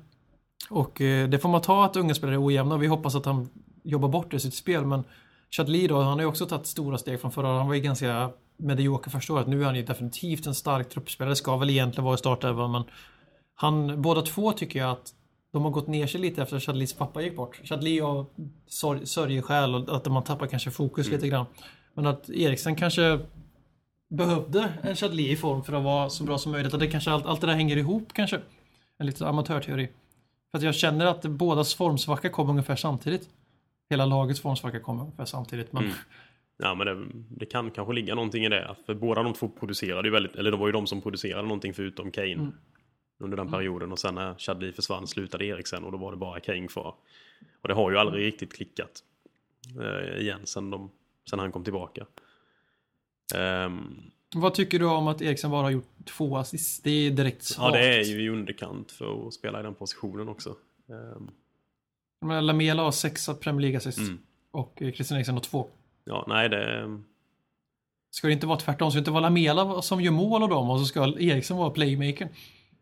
Eh, det kanske man kan tycka. Eh, jag vet inte, då kanske Lamela borde göra lite fler mål också om det skulle vara så. Ja, det Eh, borde han definitivt. Ja, ja, två Premier League-mål är ju inte... Det var Men- inte så, men det var mest att jag... Alltså, Christian Eriksen tycker inte jag har i Tottenham har sett ut som en playmaker överhuvudtaget. Utan han ser mer ut som en second striker som gör, Mm. mål, lite, gör snygga distansmål. Han gör, till, jag tycker inte han tillför så mycket i speluppbyggnaden som jag vill att han ska göra. Han är inte våran utgångspunkt kreat, kreativt längre. Och det oroar mig väldigt mycket för Lamela i all ära och Chadli, men de är inte riktigt lika naturliga tior som Christian Eriksen är. Nej, de borde inte. Även om Lamela har väldigt många egenskaper för det. Så, så är Eriksen den enda naturliga tian vi har i hela truppen just nu. Mm. Och att då är det jävligt viktigt för oss att han kan gå ner lite djupare och för, fördela bollar. Men jag tycker inte han gör det. Jag tycker att statistiken stärker den väldigt där. Två Premier League-assist på över 30 matcher. Liksom, det är ju direkt dåligt för någon som spelar i hans position. Alltså. Mm. Vi har alltså två assist. Det Fats har typ två assist. Till Agüero bara. Danny Rose har fyra assister tror jag. Men- Sen har vi...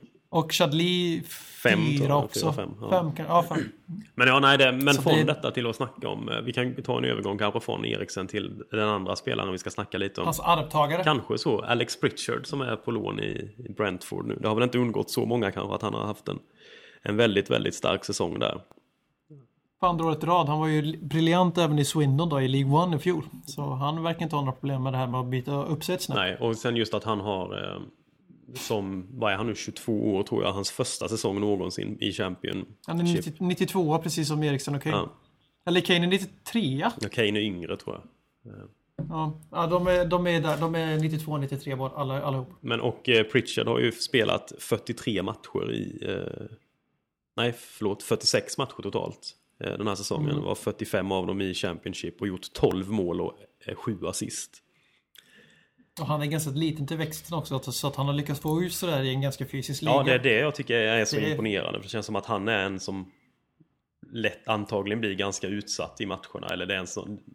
Det är, lätt, det är lätt att säga när man ser en sån liten spelare. Säger man smäll på honom lite och försöker få Eh, både. Pritchard och, både Pritchard och Kane är 93 Så att det var jag, det var jag cyklade lite där med 92 år. Men skitsamma. Nej, men och eh, de här statistiken han har levererat då 12 mål och 7 assist det är ju jävligt imponerande måste jag säga. Och Brentford är väl inget Ja, lag som man direkt sådär tänker är- heller är det... Nej, de är väl nykomlingar eller? eller? De är ju uppe i playoff. Mm. Jag har för mig att de är nykomlingar i, i Ja, Championship. det, det kan nog stämma. Det har jag faktiskt inte koll på. Och det är ju definitivt mitt lag i playoffet. Ja, ja, ja, ja, på grund av ja. Pritchard. Ja, Och som, jag vill ju gärna ha dörren till Brentford öppen. Eh, för Pritchard ifall han inte riktigt håller för Tottenham så kanske han kan få spela Premier League med dem. Det har jag velat länge. Men jag vill ju först och främst ha honom i truppen i Spurs och se om han har någonting där att göra. Och det tror jag att han har. Och vi har varit inne på det att Christian Eriksen inte har så mycket konkurrens. Det, är liksom, det har väl ingen av våra offensiva trea, men Townsend finns ju åtminstone. Han kan ju peta både Chadli och Lamela i enstaka perioder och matcher. Men det finns ju ingen som ersätter Harry Kane. Nej, då, nu, Nej, det finns det inte det heller. Nej, men Christian Eriksen har inte ens någon på bänken för överhuvudtaget. Utan det blir motståndaren Bele som inte är en tia längre. Han har spelat så många år som central mittfältare nu så att han är ingen naturlig tia längre. Han har ju absolut ingen potens offensivt. Och då blir det så att Eriksen har ju ingen som triggar honom bakom och det är där jag hoppas att Pritchard ska komma in. Mm. Och det är det som är, för tidigare tror jag, jag med har sett Pritchard som en ytter. Och eh, Han har varit ytter i så här 4-2-3 så han har varit en left wing liksom som Lamela och Chadli spelar. Men i år så är det väl center. ja, han, han har faktiskt spelat, där han har spelat allra mest är som, som, eh, som innermittfältare. Faktiskt nere på centralt Mm. mittfält. Han har gjort 23 av matcherna. Sen har han spelat 15 av dem som, eh, som offensiv center, innermittfältare. Ja, precis. Eh, och sen har han bara gjort ett par matcher, så typ fyra, fem stycken ute på kanterna. Eh, och Det det, ännu mer, ännu mer imponerande då. ja, Väldigt imponerande siffror för, för att djupt sittande mittfältare om det nu är så. Ja, ja, och har levererat bara 19 valstråk. poäng liksom. Det är ju väldigt, väldigt bra. Mm. Eh, och det finns något kring honom tror jag som är... Jag har försökt läsa på lite om honom och det, i flera år faktiskt så har det skrivits om... 2012 tror jag det var så spelade vi någon sån här Next Gen turnering. Mm. Där Spurs hade mött Wolfsburg, eh, tyska laget. Och de hade då haft ett sådär, sådär typiskt tyskt ungdomslag där alla är två meter långa och väger liksom 95 kilo bara muskler.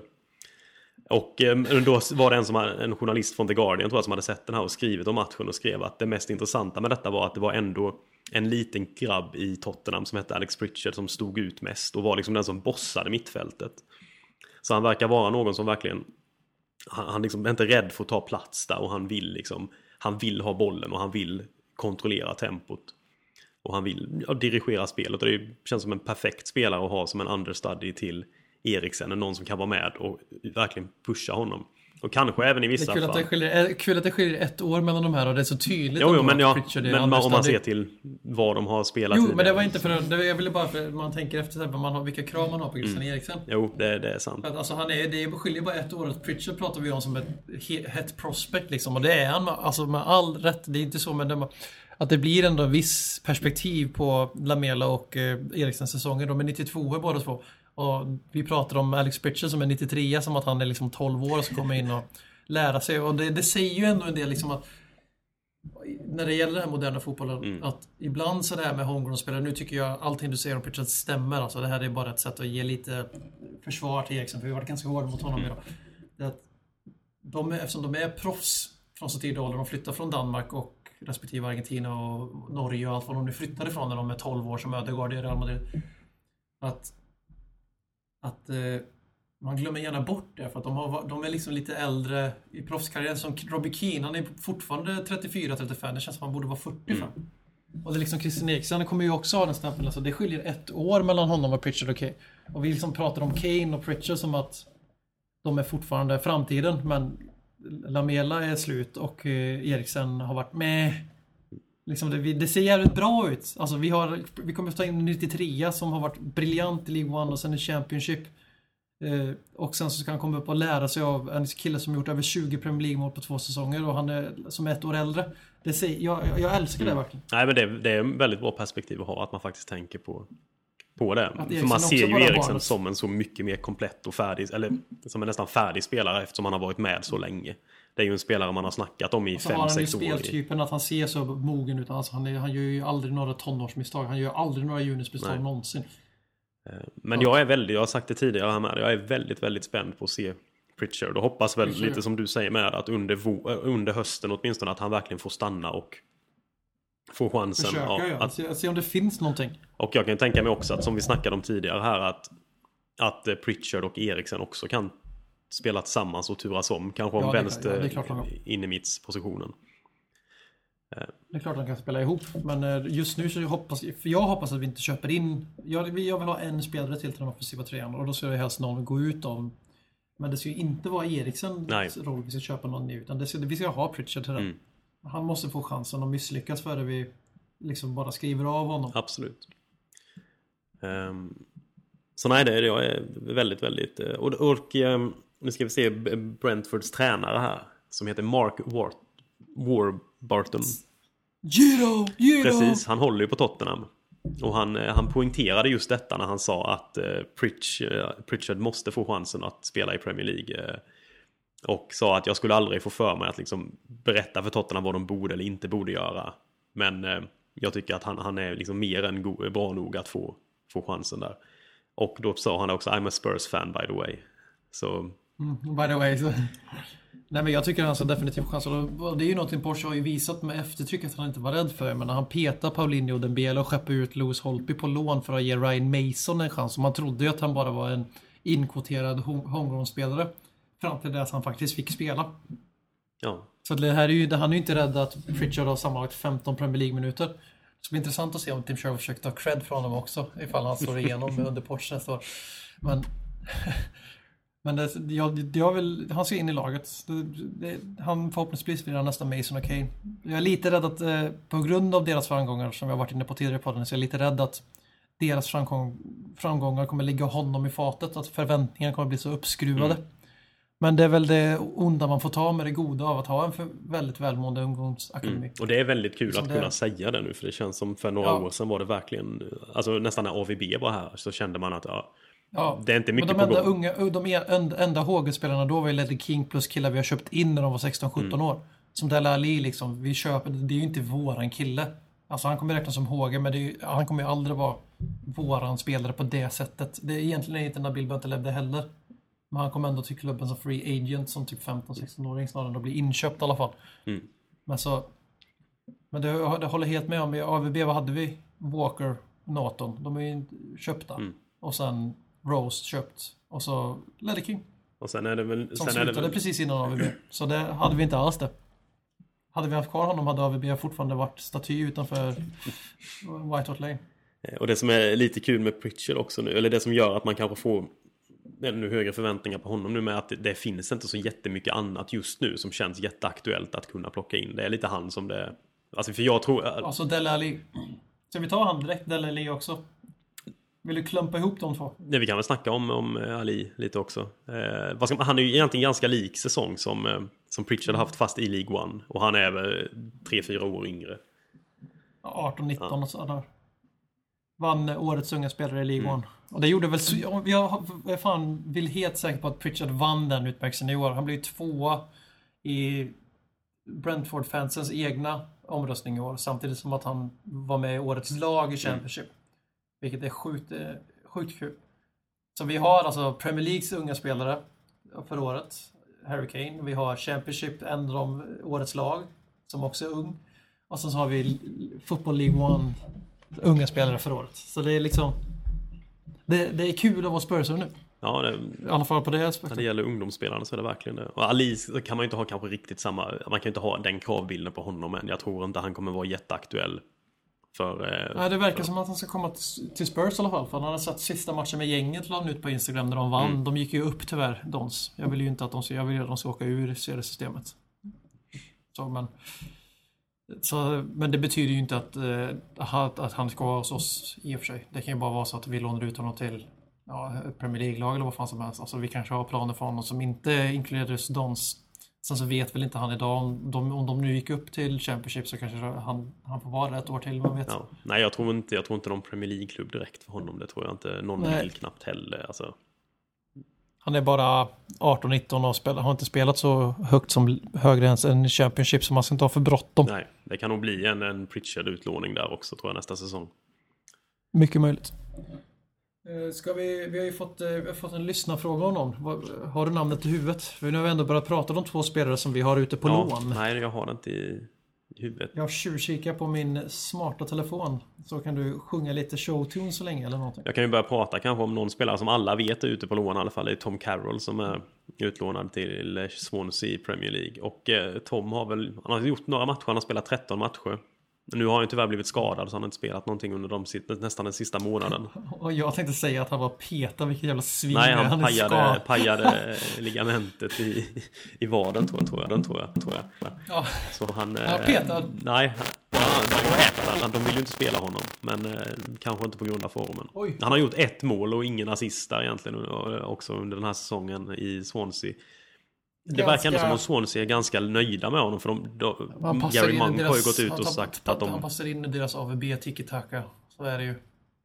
Ja, och, eh, och eh, Monk har ju gått ut och sagt att de var intresserade av, eller han var intresserad av att köpa honom permanent, men att de skulle ta det efter säsongen i sådana fall. Du tror att det, jag tror att, du tror att det blir så eller? För det tror jag. Jag tror inte han har Alltså jag, jag, jag har svårt att se att han skulle passa in i Pochettinos spel också. Han är inte den, han är inte, han är, av, han är en AVB-spelare i spelstilen. Han skulle passa bättre i ett AVB Tottenham än i ett eh, än i ett eh, Pochettino Tottenham. Han Mm, Och jag har ju- svårt att se också att, att, att, att Carroll skulle få speciellt många chanser i... För han är ju mer en innermitt... Alltså, mer åt det defensiva innermittfältshållet. Vill jag tro i alla fall än vad eh, till Va- exempel en Pritchard är som är mer användbar peta och liksom? direkt Ska han offensivt. peta Mason eller Bentaleb? Det känns ju sannolikt. Om vi, om vi ska peta någon central mittfältare kommer det vara för vi har köpt ett riktigt stort namn. Tror jag. Ja, Eller en precis. Bra, jag tror en bra spelare. Fuck vilket namn de har. En bra spelare. En Schneiderlin alltså. Ingen stort eh, ryktesnamn utan alltså en bra fotbollsspelare.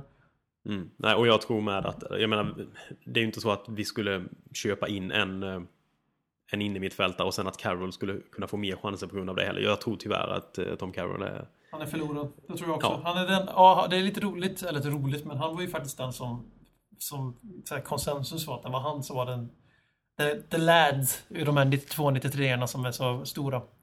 Ja, inte Harry Kane. Nej. Och nu är det Harry Kane och Alex Pritchard båda två som totalt överglänser honom br brutalt också. Mm. Alltså, i, eller ja, Pritchard har inte spelat eh, mer än 15 minuter i Premier League typ, så det kan vi kanske inte säga än, men de har större hype och Harry Kane har ju varit Premier Leagues typ tredje bästa spelare. Så. Mm. Och det är Lars Corneliusson som frågar om det här med long watch. Eh, Och vi kan dra några då. Eh, Vi har Louis Hoppy i Hamburg som är inne på sin fjärde manager för säsongen. Och han är eh, faktiskt bänkad nu. Han var relativt ordinarie i början av säsongen. Sen gick han paj. Har det något att göra med att han fightades med fansen eller är det formen? Nej, det var innan. Det var innan. Han bröt nyckelbenet Okej. i en match. En träningsmatch på Dubai-läger de har, du vet, på julledighet eller vad var. Eh, Sen har han varit uppe och vevat med fans, eller inte vevat, men han har liksom stått uppe i, på ståplats och skällt ut dem för att de har skällt ut honom. Och laget och liksom sagt, han sa rakt ut då att jag, de, liksom, du är inte här, du kommer inte vara kvar när vi är, nere i Zweite Bundesliga nästa år. Och då sa jag visste. Och så stod de och gormade på varandra och sen matchen efter det så stod han i klacken. Mm. Tillsammans med nå- någon annan skadad spelare, småskadespelare. Men nu, nu har Det de... känns härligt tyskt på något vis också. Så här, vilken fight, but then we are friends. Ja. Det, Och sen så stod de i... sen så stod de där och så sa och nu har Hamburg lyckats göra något så här eh, Leicesteraktigt och gått från att vara jävligt nära att åka ut och faktiskt ligga och ha allting i egna händer igen efter två raka segrar. Det är kul för Rafa, men inte är Louis Hoppe sitter på bänken då medan Labadia, deras fjärde manager för säsongen. Så det har väl inte varit någon jättelyckad säsong för Louis Hoppe, men eh, han blir med all största sannolikhet kvar i eh, Hamburg. är det klart än att de har köpt? För det gick något rykte under Bild, hösten Bild att gick de... ut och sa det. Så att det är nog klart. Men det är inte bekräftat. Men det finns ju ingen anledning att tro att vi ska ha tillbaka honom. Han är ju Bild inte... brukar väl ändå vara en Mm, relativt väldigt- pålitlig källa också. Så. Och eh, det är väl tråkigt att det blev så. Men jag saknar inte Lewis Holpe längre nu när vi har Ryan Mason. Jag tycker han erbjuder exakt samma som Lewis Holpe gör. Och jag tror fortfarande att Lewis Holpe kanske är en bättre fotbollsspelare. över, all, faktiskt. Men eh, han fick inte det riktigt att stämma med Spurs. Sen fick han ju aldrig spela lika mycket matcher som Ryan Mason heller. Men eh, det finns ju en anledning om man säger så. Att eh, tre människor inte har varit beredda att satsa på honom till den omfattning som man ser killen har fotbollen i sig. Men det måste, någonting måste det ju vara. Så enkelt är det bara och det är väl ingenting att gråta, gråta över. Nej. Det, så är det väl. Det, man hade hoppats på mer och han är ju en jävligt, alltså det är ju en, jävligt enkelt Han var en Lewis Moneyball-värvning helt enkelt. Det får, får nog acceptera det. En och en halv miljon. Mm. Um, ska vi Förstörde bara ta en snabb... Det var vad vi gjorde. Ja, varsågod Louis. Ehm, men um, Man hejar ju på Everton, så det är värt. på de, på de sista, Ja, vi nu, de, nu har vi de få de, vi har utlånade. nu har vi som tagit är- de fyra stora liksom. Så nu kan vi ta resten som spelar i... Ja, vi har nämnt Lennon i Everton redan. Att han är Ja, där. ja det, vi, alla Han vet ju att han är där och gör det jävligt bra. Han blir väl förmodligen inte kvar i Spurs efter sommaren. Nej. Ehm, sen har vi väl några, alltså jag tog ut, de, de flesta spelarna vi har utlånade är ju liksom där, eh, 18-19 år och spelar Millwall, i Swindon. League 2. Ja. Dominic Ball spelar i Cambridge United, Ja, just det. liksom i League 2. Han har gjort 11 matcher där som mittback. Vi har Jordan Archer som spelar... Petad i eh, Millwall. At the Ja, precis. Han är, han är reservmålvakt i Championship i Millwall. Som åkte ut. Ja, det, det är ju inga som är jätte... Man blir inte så jätteexalterad av att höra om det. Milos Velkovic kanske som är en som det ändå har snackats lite grann om. Men han gick ju paj. Han, paj, han gick ju sönder i sin första... Vart är han nu? I Charlton. Ja, han gick i, i Middlesbrough som han var första gick han ju paj och missade asmycket. Mm. Och nu han, hur mycket har han fått spela i Charlton? Han har spelat en, en 6-7 matcher där. Ja, okej. Han spelar mittfältare också. Han har ju... Det kan de ge fan i. Vi behöver nya mittback och- mittbackar. Milos Ja, är ju precis. ändå snart, Han är ju en till som fick sin Premier League-debut under Tim Sherwood. Det är väl han och Pitcher som har fått det. Eh, Mm. Sen fick ju Harry Kane sin, sina första tre matcher från start under honom. Så att, eh, han är ju en till man har relativt höga förhoppningar för. Men han har ju haft ett tungt år och förmodligen stagnerat lite. Får vi nog gissa. Men han är ju fortfarande... Han är ju väldigt ung Ja, också. men Han är eh, 19 år. skadad så så länge. Så han har väl nog inte tagit några jättesteg direkt. Men det är inget vi ska, vi ska inte skriva av någon av de här spelarna. Sen tror jag väl inte att Archer och Hall, eller Ball, jag tror, det tror jag väl inte. Nej. Men Velkovic vill jag nog inte skriva av riktigt än.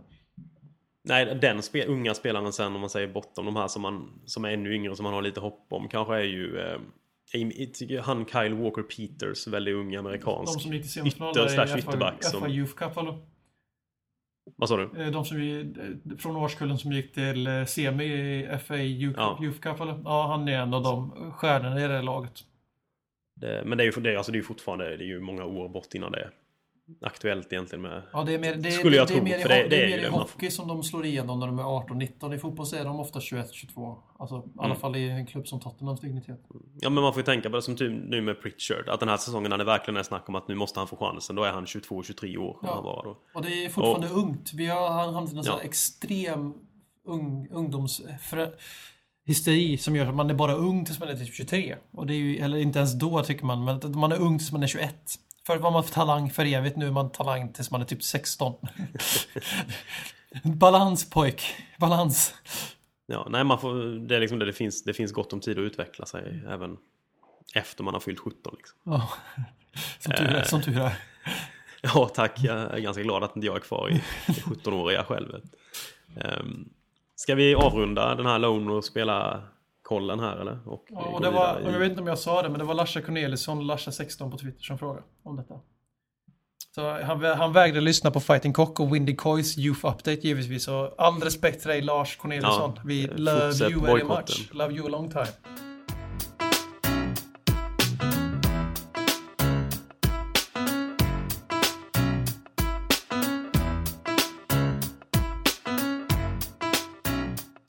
Tyrannen har fallit.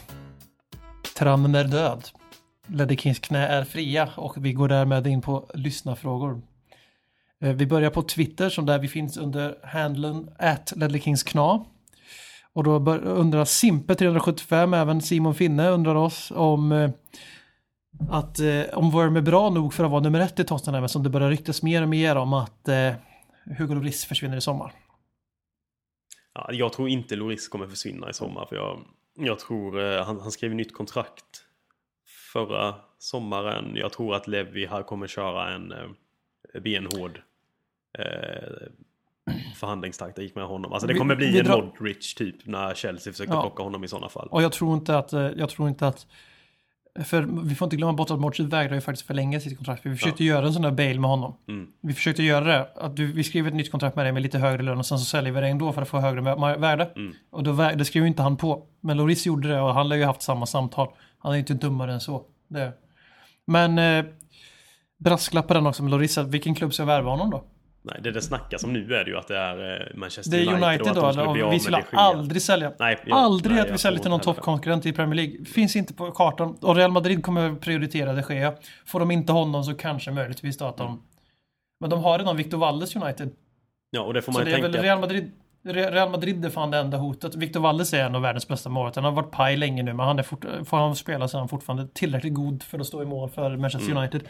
De har ju så många miljarder att köpa utespelare för, så de behöver ingen målvakt. Nej, och sen ska man komma ihåg det med just att när det gäller att, att en annan Premier League-klubb skulle värva honom för att Modric såldes ju för mindre pengar till Real Madrid än vad Chelsea Mm. bjöd för honom. Och. Bale, United Ja. och Real Madrid, samma sak. Han hamnar väl där nu i sommar istället, men, så vi, men för att svara på den reella frågan, är Worm bra nog för att vara nummer ett? Eh, alltså, skulle behöva I se honom mer egentligen. Men alltså, för jag, nu när han fick stå några matcher så tyckte jag det, alltså, man har ju blivit, man är ju jävligt bortskämd med Hugo Lloris. Han är ju som Det- vansinnigt det- bra målvakt. Eh, och Han är ju det. Men när, Hugo- eller när eh, Form hade stått ett par matcher så tyckte jag ändå man såg att han... Liksom, det är ju en helt duglig målvakt. För, för några säsonger sedan i Swansea tyckte jag han var riktigt, riktigt, riktigt bra. Och nu har han ju inte, Han är- nu är han ju uppenbarligen off i sitt matchtempo lite. Men det är möjligt att han skulle vara det. det ehm, jag tror han hade varit en helt duglig första målvakt. Uh, sen är ju frågan vilken nivå man vill. Jag Kan man vet hitta en jag- Hugo Lloris igen? Det är ju frågan. Jag vet inte om jag tycker att han är god nog för, att, för våra ambitioner, men som sagt i Swansea för några år sedan då var han det. Men jag säger så här, jag har väl andra områden jag prioriterar före en ny målvakt om vi säljer Loris. Jo, Alltså, eh, för, jag kan alltså hålla en ny första målvakt. lite så jag tänkt också. Eh, Karl Eriksson undrar om vi blir av med Adebayor i sommar. Ja, och på något sätt. Han kanske åker hem och löser familjefejden. Ni har väl läst på Aftonbladet där att Adebayor outar hela sin familj. Och basically att han har blivit mer eller mindre extortad på pengar. De har fått starta företag, han har köpt hus och allt vad det var. De bara blåser honom på pengar hela tiden. Mm. Men eh, det är hans, hans perspektiv och vi i den här podden inte, nu när, nu när Håkman inte är med, så är vi inte särskilt intresserade av att ly- lyfta det, eller hur?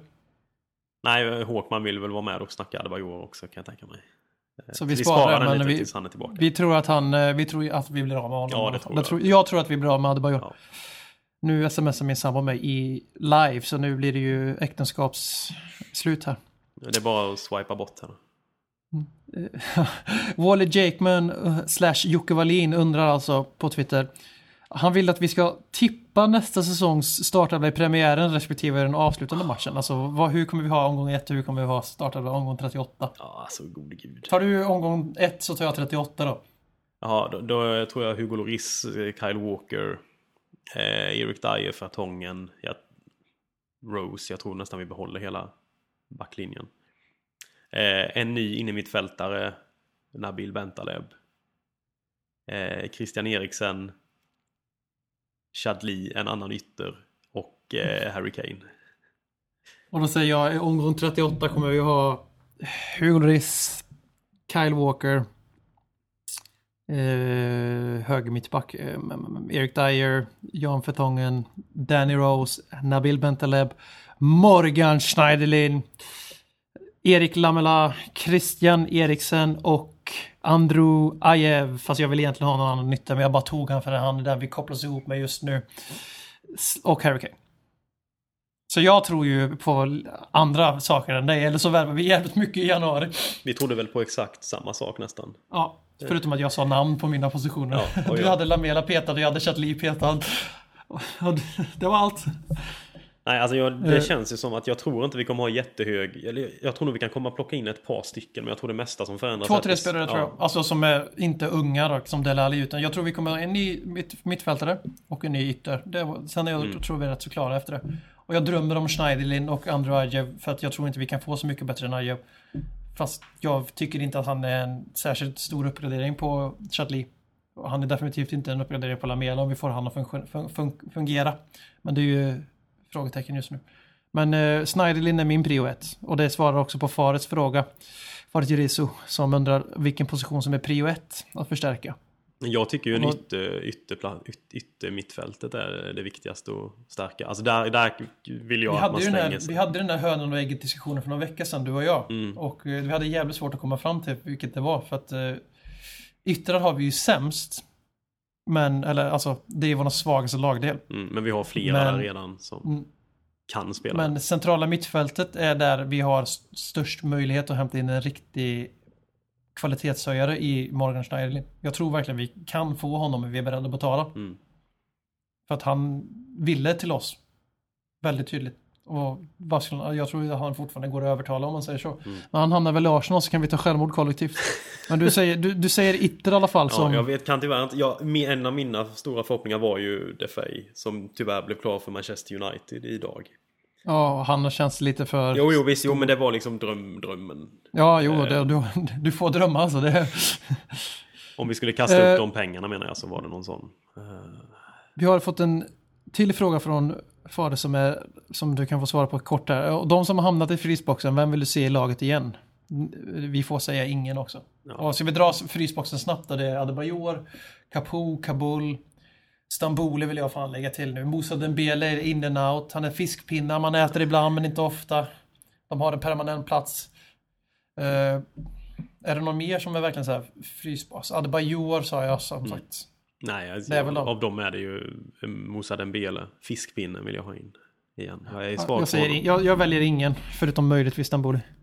Uh, Erik Edin, eller Erik Sedin, förlåt, eh, undrar hur många år vi kommer se nästa år, tills det blir vårt år. Ja, det måste man ju säga. Det är ju en liten... Det är ju som Tottenham-fan är det ju Erik, din skyldighet att säga nästa år, då jävlar. Och då jävlar. Ja, det har och du kommer dö sen- före du slutar säga det. Det har man ju sagt sedan 2004, 2005 liksom. Och det är ju... En radda fråga från Dennis Sjögren här på Twitter. Vilka offrar vi av spelare? Bana Ports, vägen för Pritch, Ali med flera. Blir det en major overhaul? Jag tror vi säljer, vi- säljer ganska många. Jag tror inte vi köper in så jätte, jättemycket. Men jag tror som, vi, som du sa tidigare. Säljer fem, sex spelare. Eller gör oss av med. Ja, Två, tre stycken. ja. Fyra inklusive, fyra, fem inklusive Pritchard och Dele Alli då. Mm. Jag tror inte vi värvar mer än två, tre. Kanske till och med bara två spelare. A-lags, det ska vara startelva-spelare, annars kan det fan kvitta liksom. Ja, ja, nej, inga, ingen bredd ska vi inte Men ingen mer trupp, tre, vi mer trupp. Inget mer truppvärvningar. Eh, han undrar också om, om Harry Kane orkar spela på samma nivå nästa år. Då säger vi nej, för han kommer spela på en högre nivå. Du, du, du. Ja, det är i och för sig Vi tar- kanske en, en, eh, ja, en anfallare till kan man ju behöva köpa in faktiskt. Och jävlar ja, vi räknar med att sälja både Soldado och Harry Kane. Eller sälja Ja. Soldado och Adebayor. Vi säga inte som köpa- en ska köpa nya anfallare. Ja, där prioritet är nya anfallare. Vi, vi tar Kane så för givet så vi vill inte ens ha någon mer anfallare i truppen. Det är ju lite så. Man tänker det. Det är klart han ska spela faktiskt- hela tiden, faktiskt- alltid. Det är faktiskt så. Eh, Men det är klart, det, det är ju kanske inte realistiskt. kan, han kan ju bli skadad. Ja. Det, Eh, inne på vår Facebook-sida där man kan se att det finns en länk för Guldskölden. Där vi tog brons i fjol som årets sportpodcast. Och vi månar er alla om att rösta på våra konkurrenter. För vi är way too cool för school. Och vi vill inte vara med och ta medalj för vi är inte så jävla, vi är inte en del av etablissemanget. Så ge fan i att rösta på oss men gör det på Guldskölden. På Svenska fans. Och så har vi fått frågor där också på Facebook. Leddy Kings knä. Och eh, här har vi två riktiga doses som får avsluta avsnittet. Joakim Efternån, du får, du får ursäkta. Vi har pratat mycket Kane, vi har pratat mycket Kane och vi har pratat mycket silly season. Så det blir Micke Gustafssons fråga som han undrar hur mycket klubben tjänar ekonomiskt på Europa League.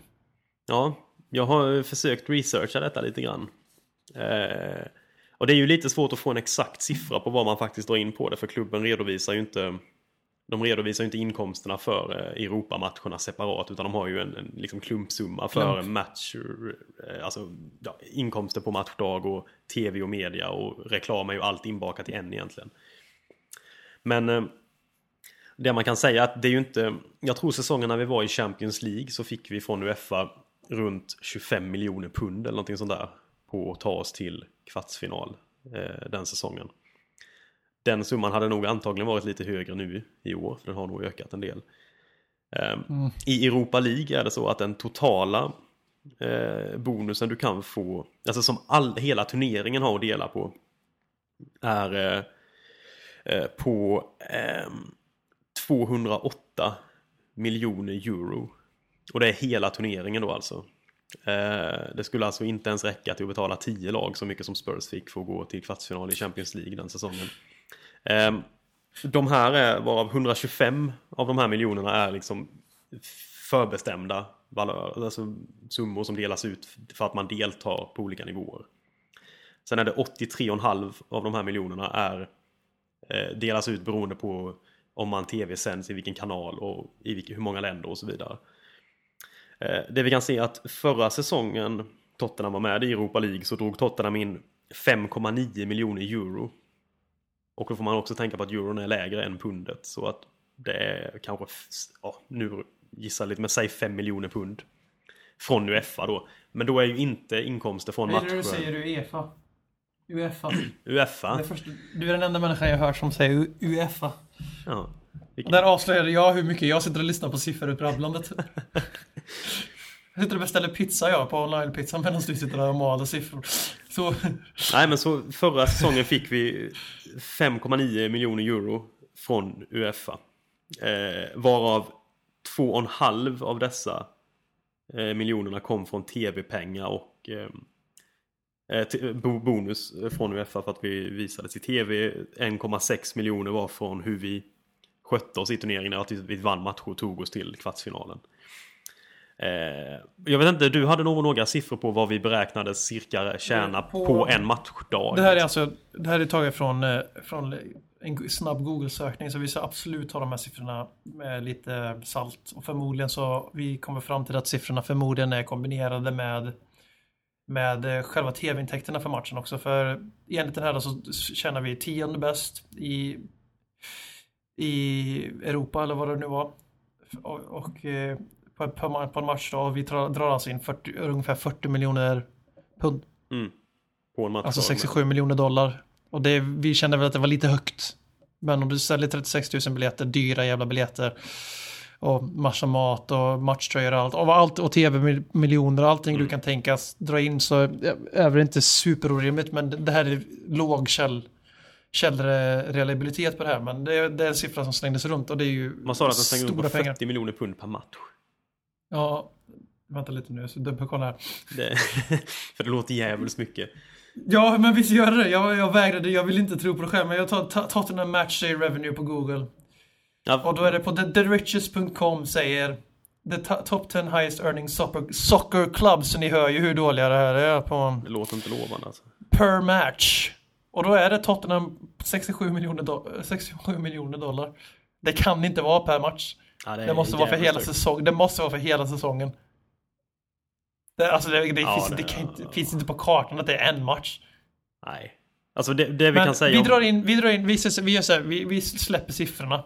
För det, man kan aldrig få fram väldigt trovärdiga siffror om inte man lägger ner sig i officiella medlemsrapporterna. Till en hög grad och det har vi inte riktigt, alltså. Så jävla seriöst har vi inte gjort det. Men du hade gjort det på Europa League men det här att vi kan väl säga det att vi känner i alla fall tionde bäst i... Vi, vi känner precis... Liverpool ligger precis över oss. Så vi, vi drar in tillräckligt med, med stålar, om man säger så. Mm. Det en, men jag tror vi, vi utgår från att den där summan var en säsong, 40 miljoner, 44 miljoner pund, det är en säsong där. Ja, alltså det som... Det, vi går fick in en i, match är helt, Ja, det är nej, det helt det jävla orimligt. det vi fick in- det måste vara hela säsongen. Det vi fick in i tv-pengar från Premier League förra säsongen var 72 miljoner pund. Bara i tv-pengar från Premier League. Och det vi kan jämföra det med då, det var att vi fick in kanske 5 miljoner pund för allt vi var med, alltså all bonusar från Europa League. Så vi, vi tjänar ingen- pengar på det, ja. men inte så jävla mycket pengar. Nej. Och det kan, match to revenue, vad det nu är, vi slår fast att den inte är 44 miljoner den är ju lägre, jag tror den, den är avsevärt Den är lägre någon, än i någon, Premier League. avsevärt lägre för För billigare biljetter och vi Precis. säljer 32-33 000. Och, men vi kan nog också säga då, och avsluta ekonomitugget, är att klubben eh, budgeterar nog för att vara med i Europa varje år. Så det är ju, om det är det argumentet man har så tror jag inte att det går hem särskilt mycket i styrelserummet. Men vi avslutar veckans podd med en fråga från Niklas Flemström. En av dessa lojala lyssnare som lyssnade på oss och inte röstade på oss i Guldskölden utan röstade på Arsenal-podden. Finns det ens en sån? ingen aning, men nu tappar vi en lyssnare till i alla fall. Eh, Han undrar om våra spelare var med i Sagan om ringen, vem som skulle vara vem då? Och den här tycker jag det är en fan, briljant fråga. Jag kan ta den första, den självklaraste. Hugo Lloris är Aragorn. Stilig, sansad, kungen men är inte huvudrollen, men han är definitivt lagets kung, men han har inte huvudrollen. Den är jag, den, den är jag nöjd med. Den är jag Den är nöjd med. faktiskt, den är bra. Den är bra. Tack. Eh, han har en ganska, han har, han har en fru som är rätt lätt att gilla också. Hon är väldigt Mm. sympatisk. Det tycker jag arven är också i Sagan om ringen. Eh, jag satt och funderade lite på den här. Någon som kändes ganska vettig Vi, vi var... behöver kanske inte plocka ut hela Nej, brödraskapet här. nej men eh, att ut- Ryan Mason är Sam. Också sådär spelar lite andra fiol men är sjukt lojal och ger sig gärna in i fighter som man liksom antagligen inte kommer vinna. Eh, Danny Rose är Boromir. för han var hatad av alla, men i sista stund så han, Boromir dör för, för Mary och Pippin. Danny Rose blev en bra fotbollsspelare och tryckte, släppte till truten på alla på det sättet. Så han, det är lösryckt men han är Boromir. Han har gjort samma typ av spirituella resa från hatad till älskad. Bara det att Boromir dog också så vi får se hur det går med Danny Rose. Hoppas, ja, men han missar alltid landslaget för han blir skadad. Så. Ah, okej, så det är hans, det är hans liksom... Eh, det är hans, det är hans pilar i, okunnat i bära. magen. Ja, ehm, Eh, sen eh, så vi försöker placera, vem, om vi gör så här, vem är Harry Kane då? Om vi måste placera någon på honom. Är han eh, Frodo då för att han är den lysande stjärnan? Men han är alldeles för självständig och inte lika beroende av andra för att vara Frodo tycker jag. Han är snarare jag, riktigt, han är Legolas för han är ett riktigt jävla badass och kan göra saker som ingen annan i laget kan. jag tänkte lite annars med att han skulle kunna vara... Det är väl Mary och Pippin som dricker något vatten ute i den här skogen som gör att de växer till sig och kan klara av saker ingen trodde de skulle klara av. Det, Ja, jo den var bättre. Han är båda de två. Han- han är och de gör ju hjältedåd sen också båda två. Ja, och sen verkar de verkar inte riktigt förstå att de gör hjältedåden heller. Utan de bara gör dem. Det känns som en Mm. Harry Kane. Den, den var riktigt bra den också. Den var, eh, ska vi försöka placera ut någon som är Gimli också? För Gimli är ju... I, framför, i filmerna i alla fall. Så är, Gi- Bill, eh, så är Bilbo säger jag. Så är Gimli helt jävla briljant som, Lite så comic. som komisk effekt. Ja. Så- Fan, jag vet inte varför men det första jag tänkte på då var Lamela men jag vet inte riktigt om Ja, det är jag så- med. så Det var därför jag ville ta med Gimli. Jag vet inte, det finns absolut ingen jävla logik Nej, i det. men han ramlar runt lite. Är- Men egentligen är nog folk mest arga på Lamela. Men ja, ja, ja. Ha, eh, nej, Lamela är fan Gollum. Han rör sig jävligt märkligt på planen. Ganska irrationellt. Väser. Väser. Nej, men jag tar Gimli av någon helt oförklarlig anledning för att han är lite comical re- relief. Ja. Och han är helt okej egentligen, är lite, lite för bespottad. Ghibli är väl inte någons favoritkaraktär. Jag har aldrig hört någon säga Gimli deras favoritkaraktär. Nej. Nej, men ja, han är en hybrid av Gimli och, och uh, Gollum helt enkelt. Vilket, vilket hedersutnämnande för, för stackars Och Adebayor är Smigol. Den smöriga varianten av Gollum. Så kan det vara. Men eh, ska vi försöka... Bara, har du någon Gandalf? Brad Field för att han är Ja, gammal. den känns, men den känns för uppenbar. Nej, Jag vet inte riktigt om det finns. Vlad Kirikes. Gandalf är alltid lite så här, lite, man undrar om han inte är påverkad av lite saker då och då. Framförallt i Moria, han sitter och röker pipa och inte kommer ihåg vart han ska gå. Och sitter och använder sitt luktsinne för att veta vart han ska gå. Det känns jävligt Vlad ändå. Skjuter raketer på fyllan och... Ja, okej då. Så Det- det- okej. Kirikes är Gandalf jag, jag vite. köper den. Om än aningen långsökt, men jag gillar den. Och och med det så vill vi tacka för oss, men vi vill tillägna avsnittet till någon speciell. Det blir lite seriösa efter att ha haft lite kul här på slutet av avsnittet. Ja, vi vill eh, avsluta med att skicka en tanke till eh, eh, Tottenhams största målskytt genom tiderna, Jimmy Greaves, som tyvärr nu för några dagar sedan bara eh, blev drabbad av en stroke. Nu idag hörde jag att han hade tydligen fått, eh, jag tror han hade lä- fått lämna faktiskt eh, den avdelningen han låg på åtminstone. Och påbörjat en, en eh, antagligen ganska lång återhämtning. Han har haft en tidigare stroke 2012. Eh, men hade tydligen, trodde man hämtat sig fullt från den i alla fall. Men nu kom det ytterligare en eh, för stackars Jimmy. Han gjorde ju eh, 379 matcher för Tottenham på 60 och 70-talet. Och eh, det blev... Det eh, finns ett uh, Arkeut-avsnitt om honom va? han, han, han eh, har en del i eh, julspecialen vi släppte, den tonerna, där vi snackar om musik som har att göra med Tottenham. Och där pratar vi mer om Jimmy Greaves. Han är även en, av, en av Englands största målskyttar genom tiderna. Eh, Så vi, vi önskar honom all, all bättring och hoppas att han eh, kan återhämta sig från stroken. Och med det så tackar vi för oss. Strolling, just strolling